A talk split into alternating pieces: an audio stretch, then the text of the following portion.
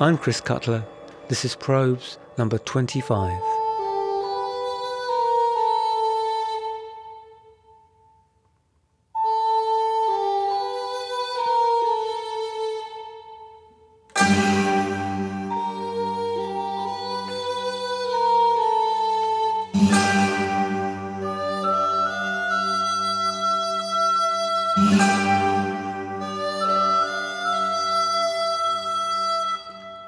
Last few episodes, we've been looking at the way non instruments have been brought into musical contexts, usually for dramaturgical reasons, sleigh bells or anvils, for instance, or to humorous effect in novelty acts, and of course the toy symphonies that reach back into the early 18th century. In the second half of the 20th century, toy instruments acquired more weighty responsibilities, embodied not only in the vast catalogue of compositions dedicated to the toy piano, but also more broadly to toys in general. Here's the British composer Gavin Bryars' 1970 composition, Made in Hong Kong, an instruction piece that approaches toys neither as surrogate instruments nor as humorous ornaments, but rather as freestanding, self-referential sources of organizational potential and although the score specifies what kind of toys are to be used, mostly wind-up or battery operated, it has nothing to say about how they should be used or in what order, nor following what aesthetic rule. The toys just get on with doing what they do, while the performer is obliged to forge a structure and musical narrative out of their particular vocabularies. Here's the saxophonist and composer Ulrich Krieger's version of the piece, recorded in 2007.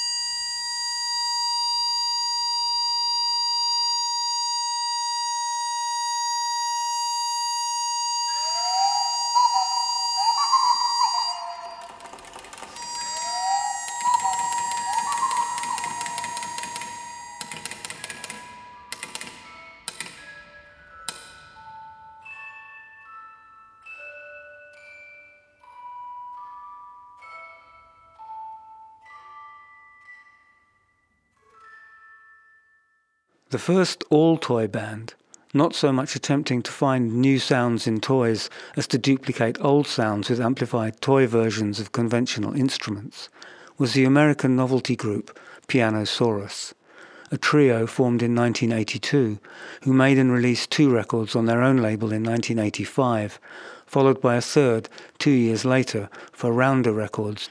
This track is from that release. It's a cover of the Box Tops 1967 hit, one of the shortest ever to get to number one on the Billboard chart.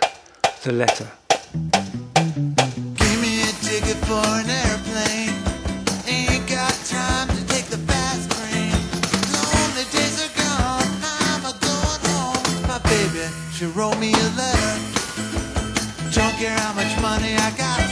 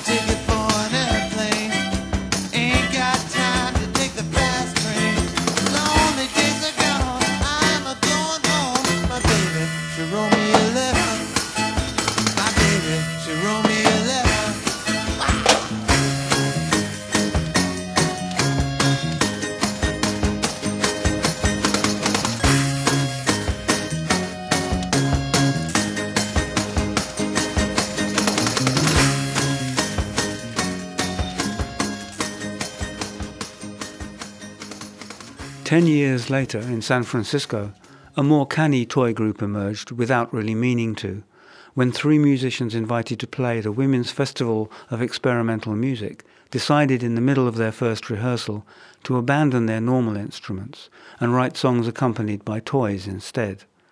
And not just toy instruments, but any kind of toys. Hence the name Toykestra. This is from their first studio CD, made in 2002.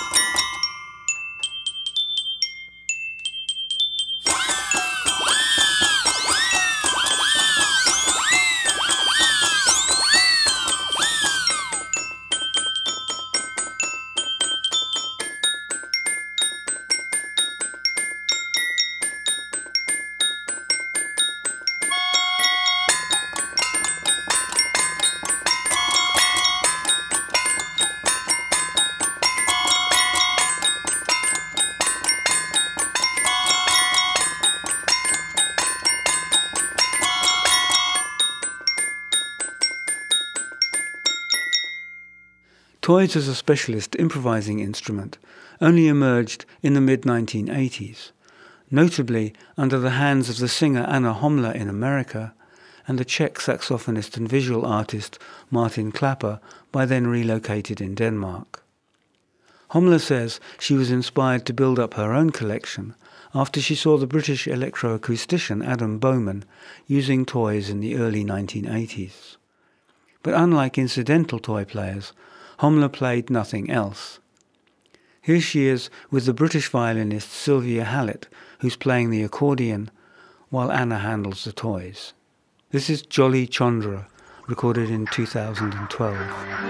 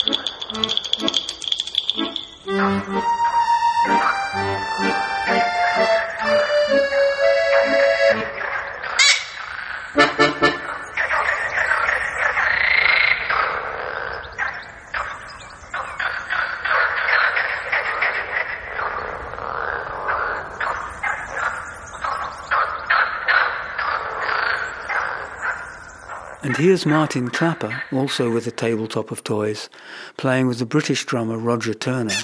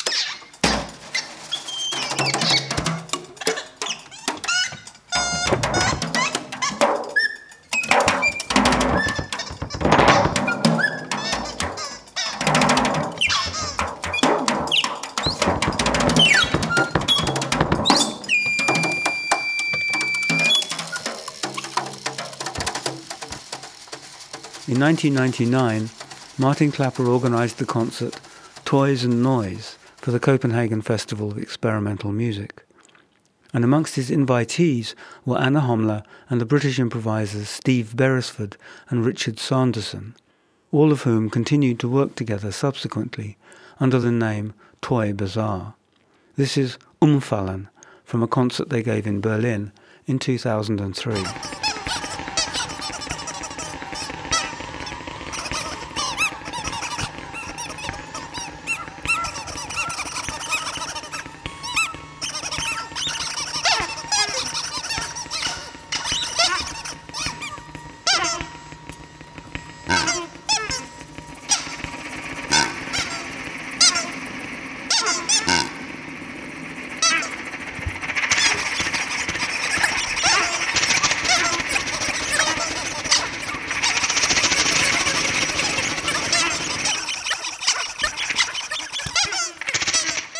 Meccano is a modular construction toy that dates back to the beginning of the 20th century. Essentially, it's a collection of plates, brackets, wheels, and drive belts that can be bolted together in any number of ways. The French performer, composer, and installation artist Pierre Bastien has used it for over 30 years in the construction of automated performing machines, which he usually powers with gramophone turntables.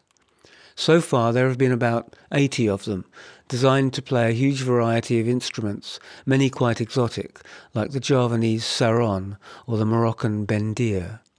Since these are simple mechanical devices, their limitations have led Bastien's aesthetic firmly into the world of loops, or when several machines are played together, of polyrhythms and polymeters. In most situations, the machines are paired with human collaborators, most frequently with Bastien himself, as in this example where he plays cello and flugelhorn.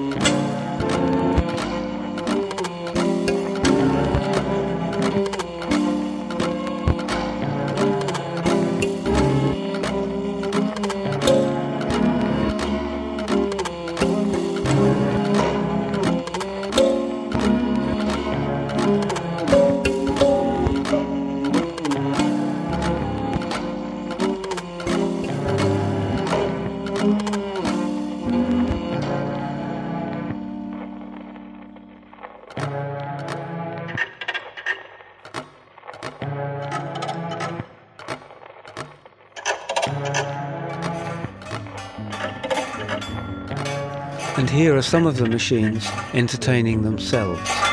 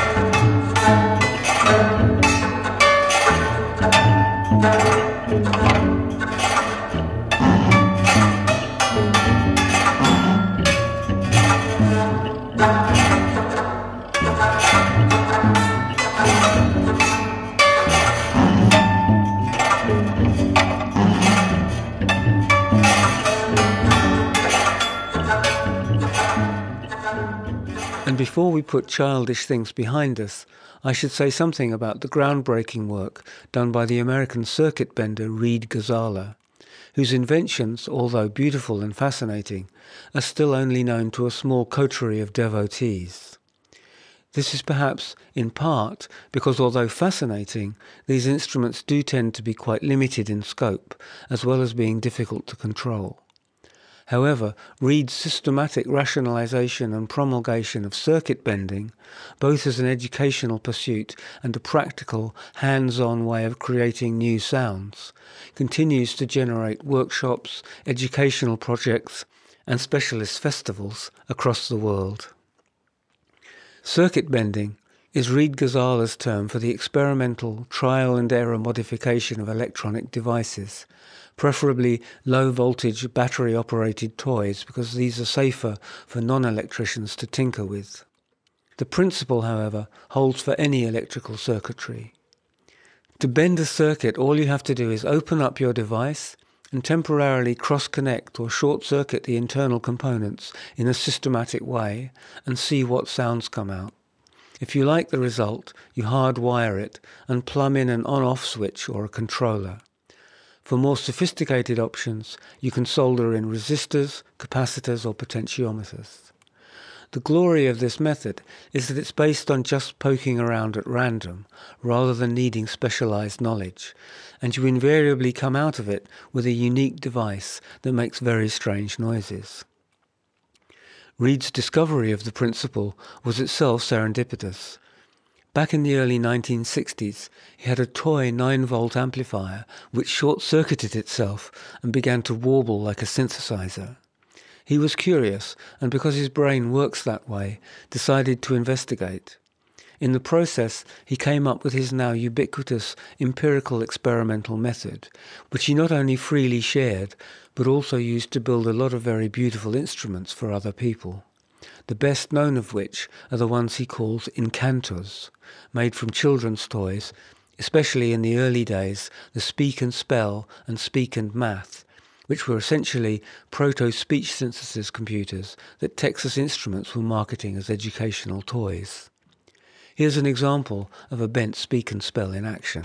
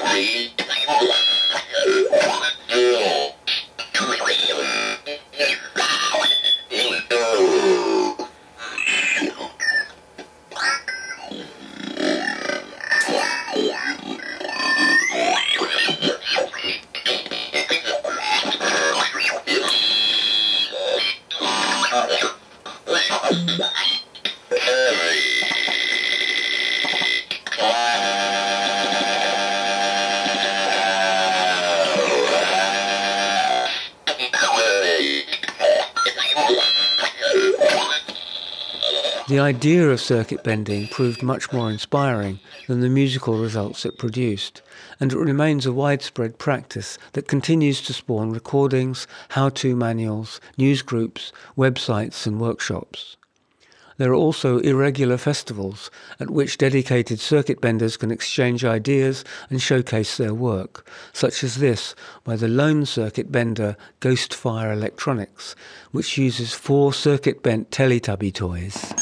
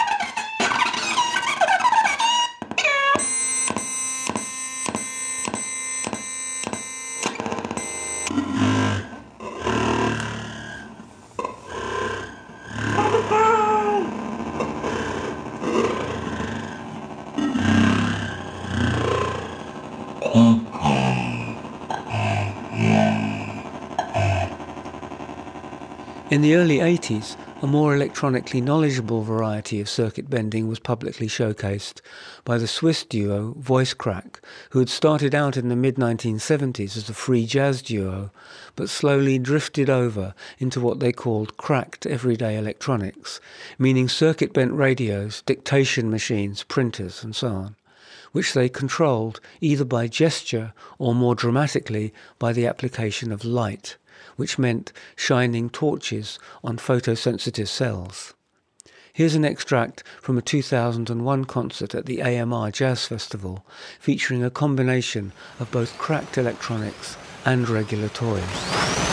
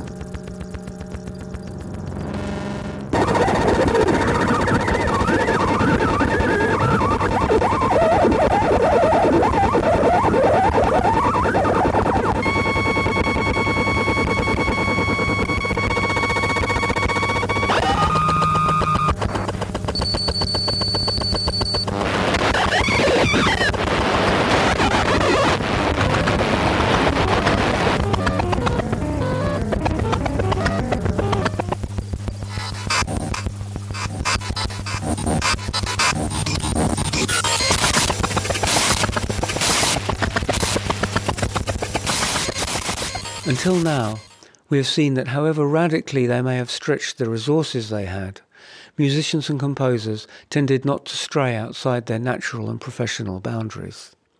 For the most part, all of the modifications, preparations, and extended techniques they investigated were applied to instruments with which they were already familiar and if new instruments were introduced, these tended to be imported unchanged from other cultures, other genres, or earlier historical periods. The only exceptions to this rule were where there were what we might call supplementary contexts. That is to say, when unmusical objects were introduced for comic effect, as they are, for instance, in the Toy Symphonies, or in Spike Jones's use of car horns and tin cans, or in the vaudeville and music hall acts that featured both bottles or balloons. Equally uncontroversial were occasions on which non-musical sounds were used to atmospheric or dramatic effect, which would include sleigh bells, bird calls, anvils, cowbells, or heavy artillery, as deployed, in these instances, by Mozart, Respighi, Wagner, Mahler and Tchaikovsky.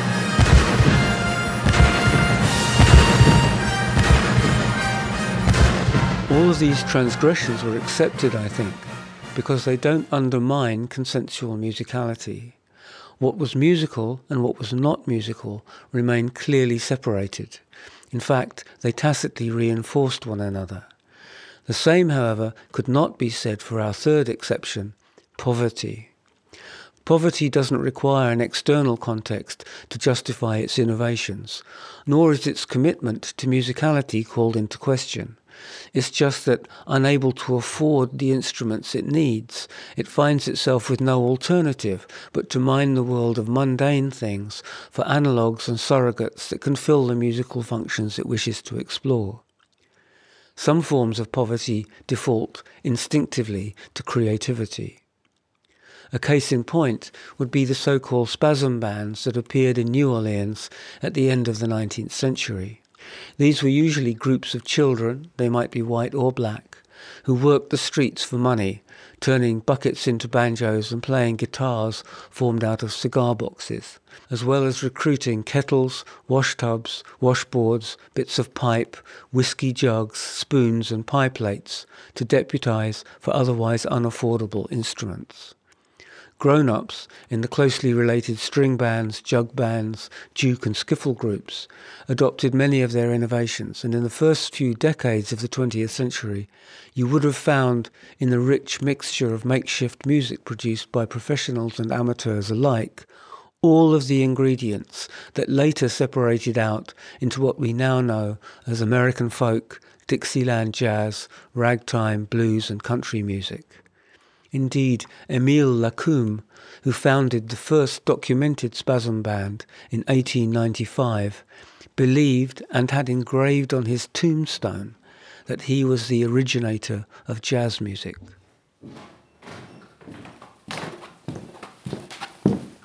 In all the musical examples that follow, although the emphasis is on one particular instrument, nearly everything has some or several other notable or original qualities. I won't point them all out because they can speak for themselves, but that's why some of these examples are longer than they otherwise might be. Some kinds of music we just mentally tag, but often it pays to really listen.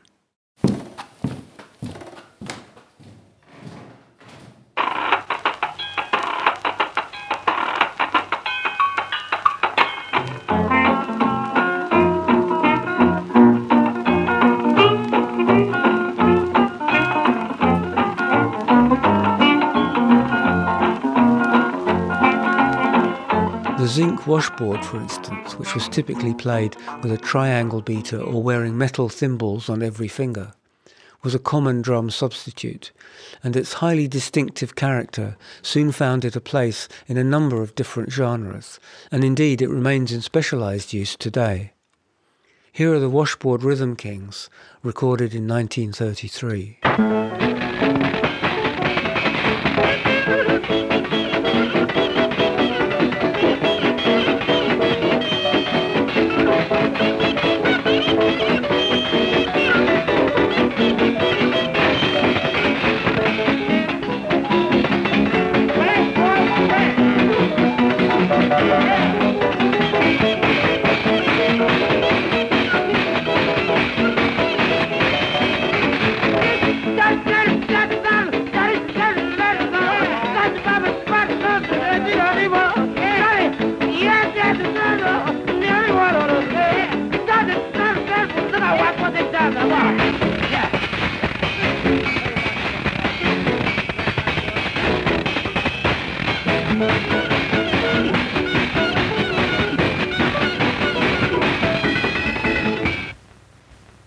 That's all there is. There isn't any more. A lot of early jazz bands, too, like King Oliver's and Louis Armstrong's, were driven by washboards. Here's Jimmy O'Bryant's famous original washboard band recorded in 1925. The washboard here is played with thimbles in the tapping style.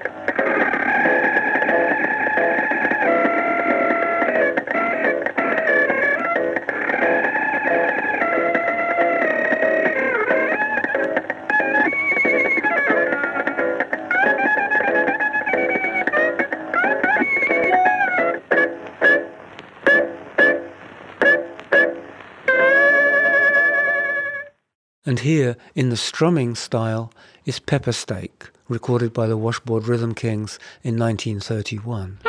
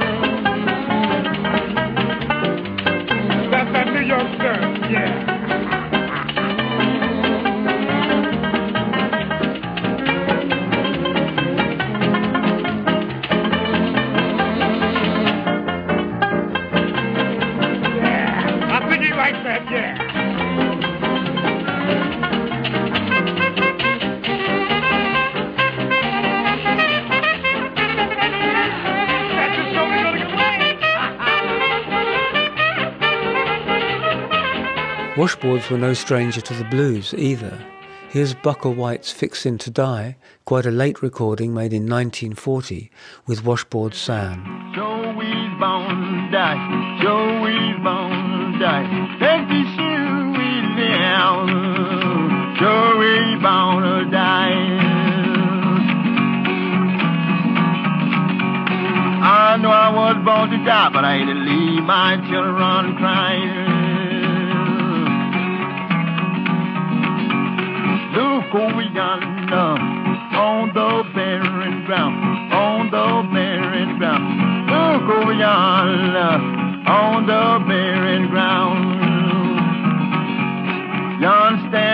Thousand, standing still, let me down.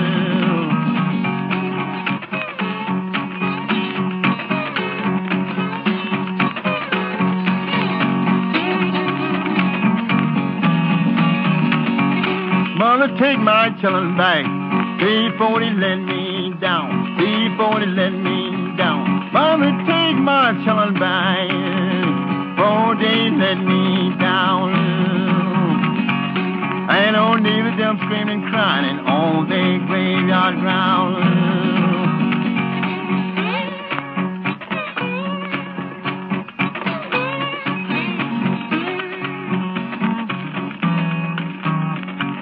In that same year, 1940, the washboard and the washtub bass both made a rare appearance in an early percussion piece by the American composer William Russell, who, after Edgar Varese, was one of the first to compose for unpitched percussion, and certainly the first to integrate African, Caribbean and Asian instruments as well as found objects into a classical ensemble. Russell's work undoubtedly influenced John Cage, who performed several of his pieces, the last being Chicago Sketches, which Russell wrote specifically for a concert Cage had organized at Mills College, and which he performed himself in a trio with John and Xenia Cage. It was his last composition. After visiting New Orleans, he said that he realized jazz musicians could invent music on the spot that was more interesting than he could write. So he stopped composing and spent the rest of his life playing with the New Orleans Ragtime Orchestra, as well as writing articles and books on the history of jazz, organizing the Hot Record Exchange, and running the American Music Label. It was only in 1990 in a celebration of his 85th birthday that a retrospective concert of all his surviving works was assembled in New York, and this recording was made shortly afterwards. In addition to the washboard and washtub, Chicago Sketches was also scored for suitcase, woodblocks, tom-toms, and a set of tin cans.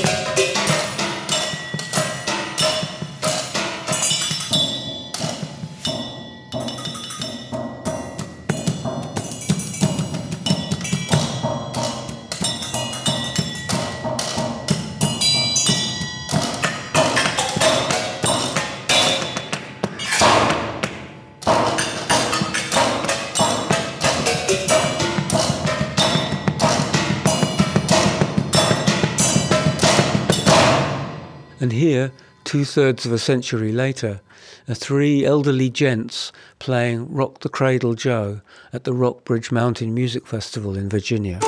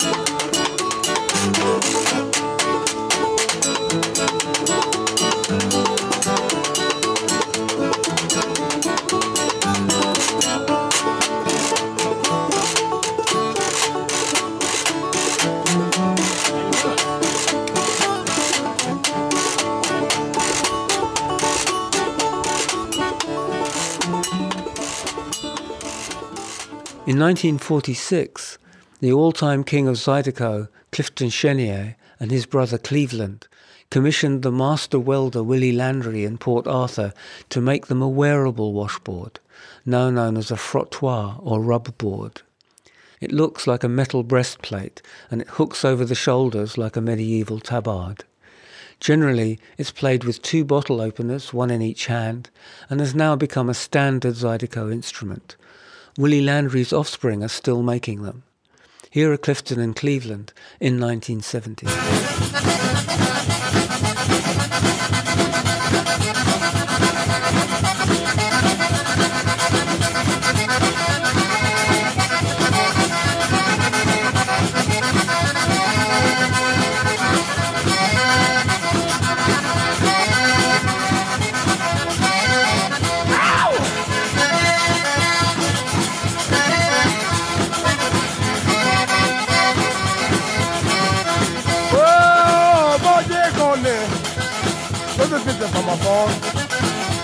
When they call me,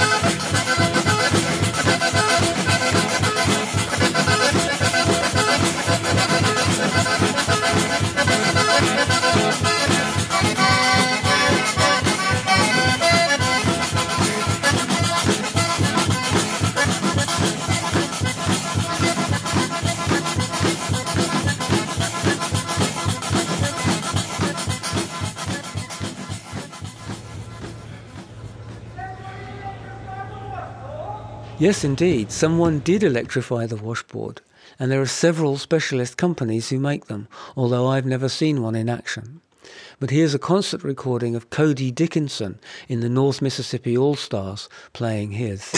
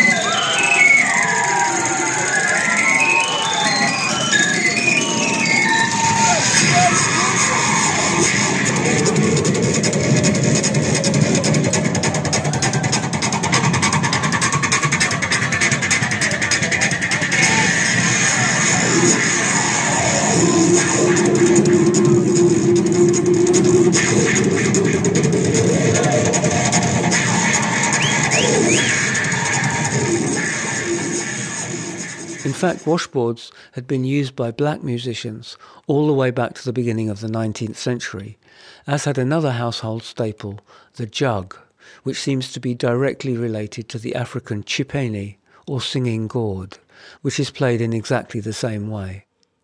And although, as we saw, some of the spasm and skiffle bands had made string basses with a combination of washtubs, twine, and dowel, more often the bass was provided by a stone, ceramic, or glass jug, which was played in the manner of a sousaphone or a tuba, as it is here in the Memphis Jug Band's version of Cocaine Habit Blues, recorded in 1930.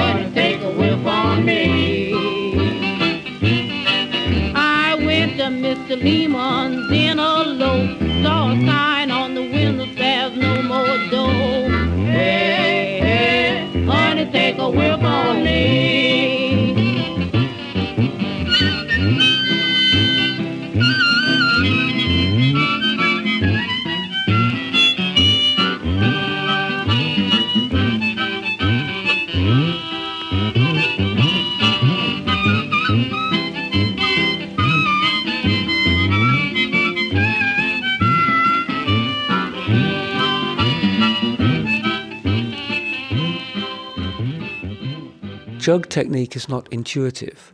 You don't blow across the neck as you would with a transverse flute, but into the jug itself with your lips set as if playing a trumpet or a tuba and positioned about an inch away from the opening.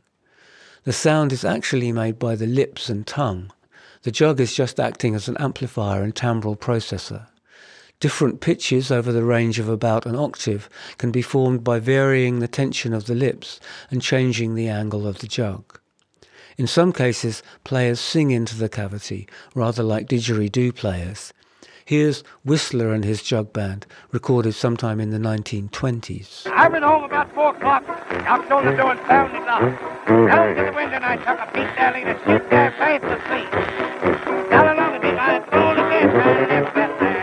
Oh, baby, down, go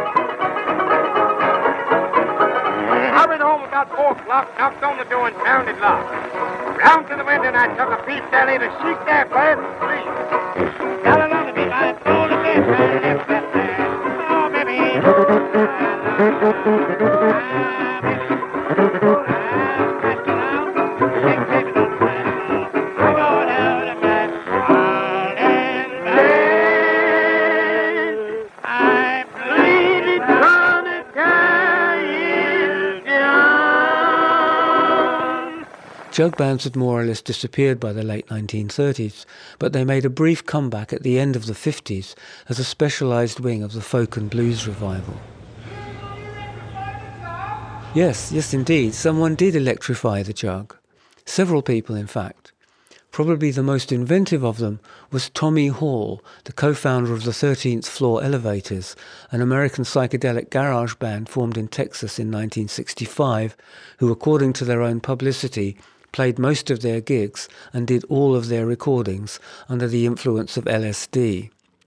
Tommy was their lyricist as well as a full time jug player, and he evolved his own unique technique, which consisted of singing into the jug and pretending to be a synthesizer instead of a sousaphone. Here's a fairly typical track. That wibble wibble wibble sound is the jug.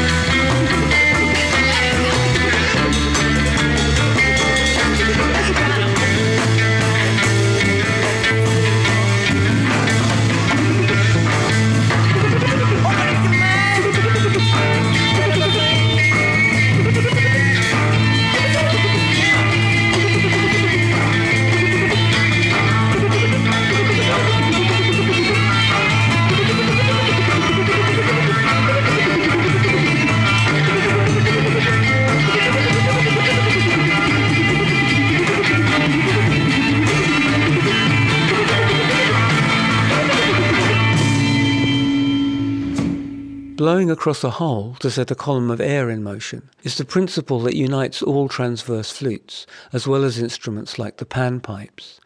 And you can get a nice hollow sound from a bottle too, if you just blow across the neck, though you can only get one note per bottle, the one native to the resonant frequency of the empty space it contains. So the larger the bottle, the lower the pitch.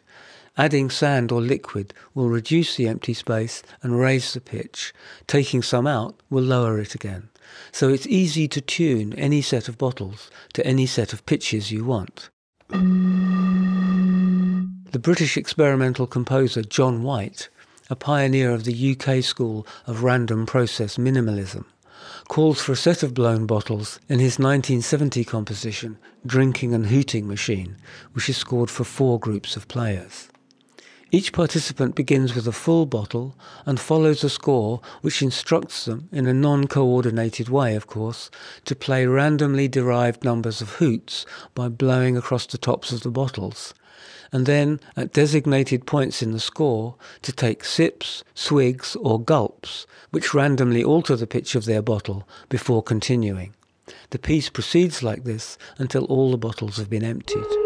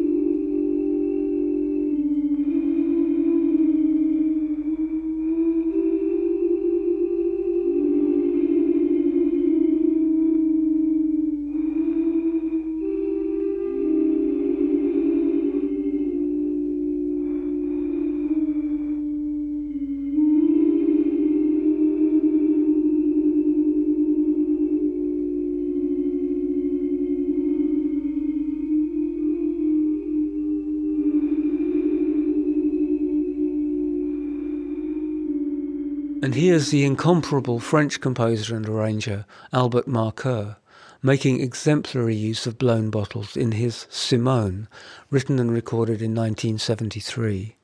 On this track, you will also hear a guitar, a charango, some percussion, whistles, and a clarinet.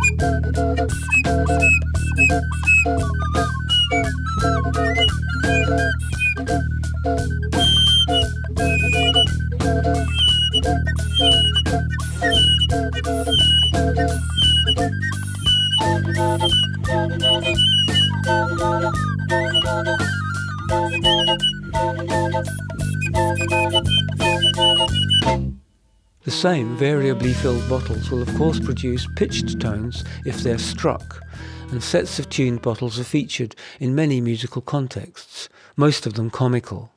But here's percussionist Emil Richards, whom we've met several times already, using his famous set of sake bottles on Alex North's soundtrack for John Huston's film Under the Volcano, released in 1984.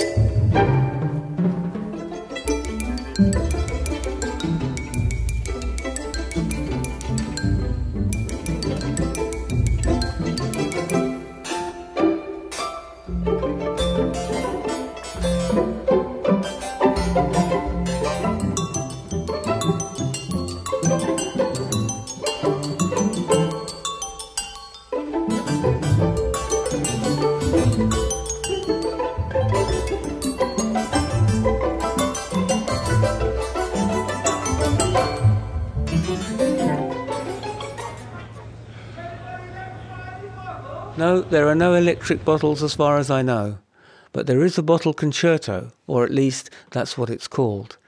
In fact, it's yet another advertising confection, financed by a brewery and performed at great expense by two orchestras, both of them only playing beer bottles, in real time, of course, or it wouldn't be funny. The tune is the company's corporate jingle, orchestrated by the conductor Cezary Skubiszewski. Thank you.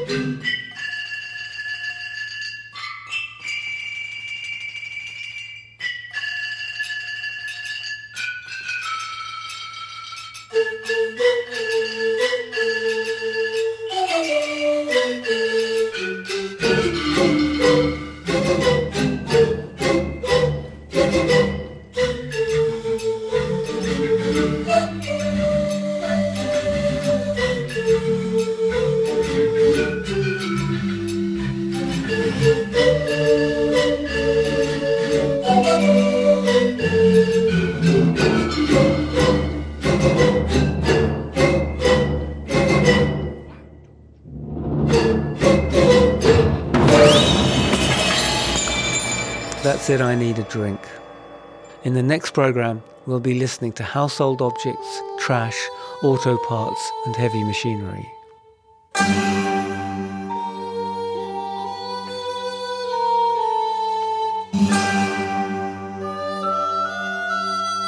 I'm Chris Cutler. This has been Probes.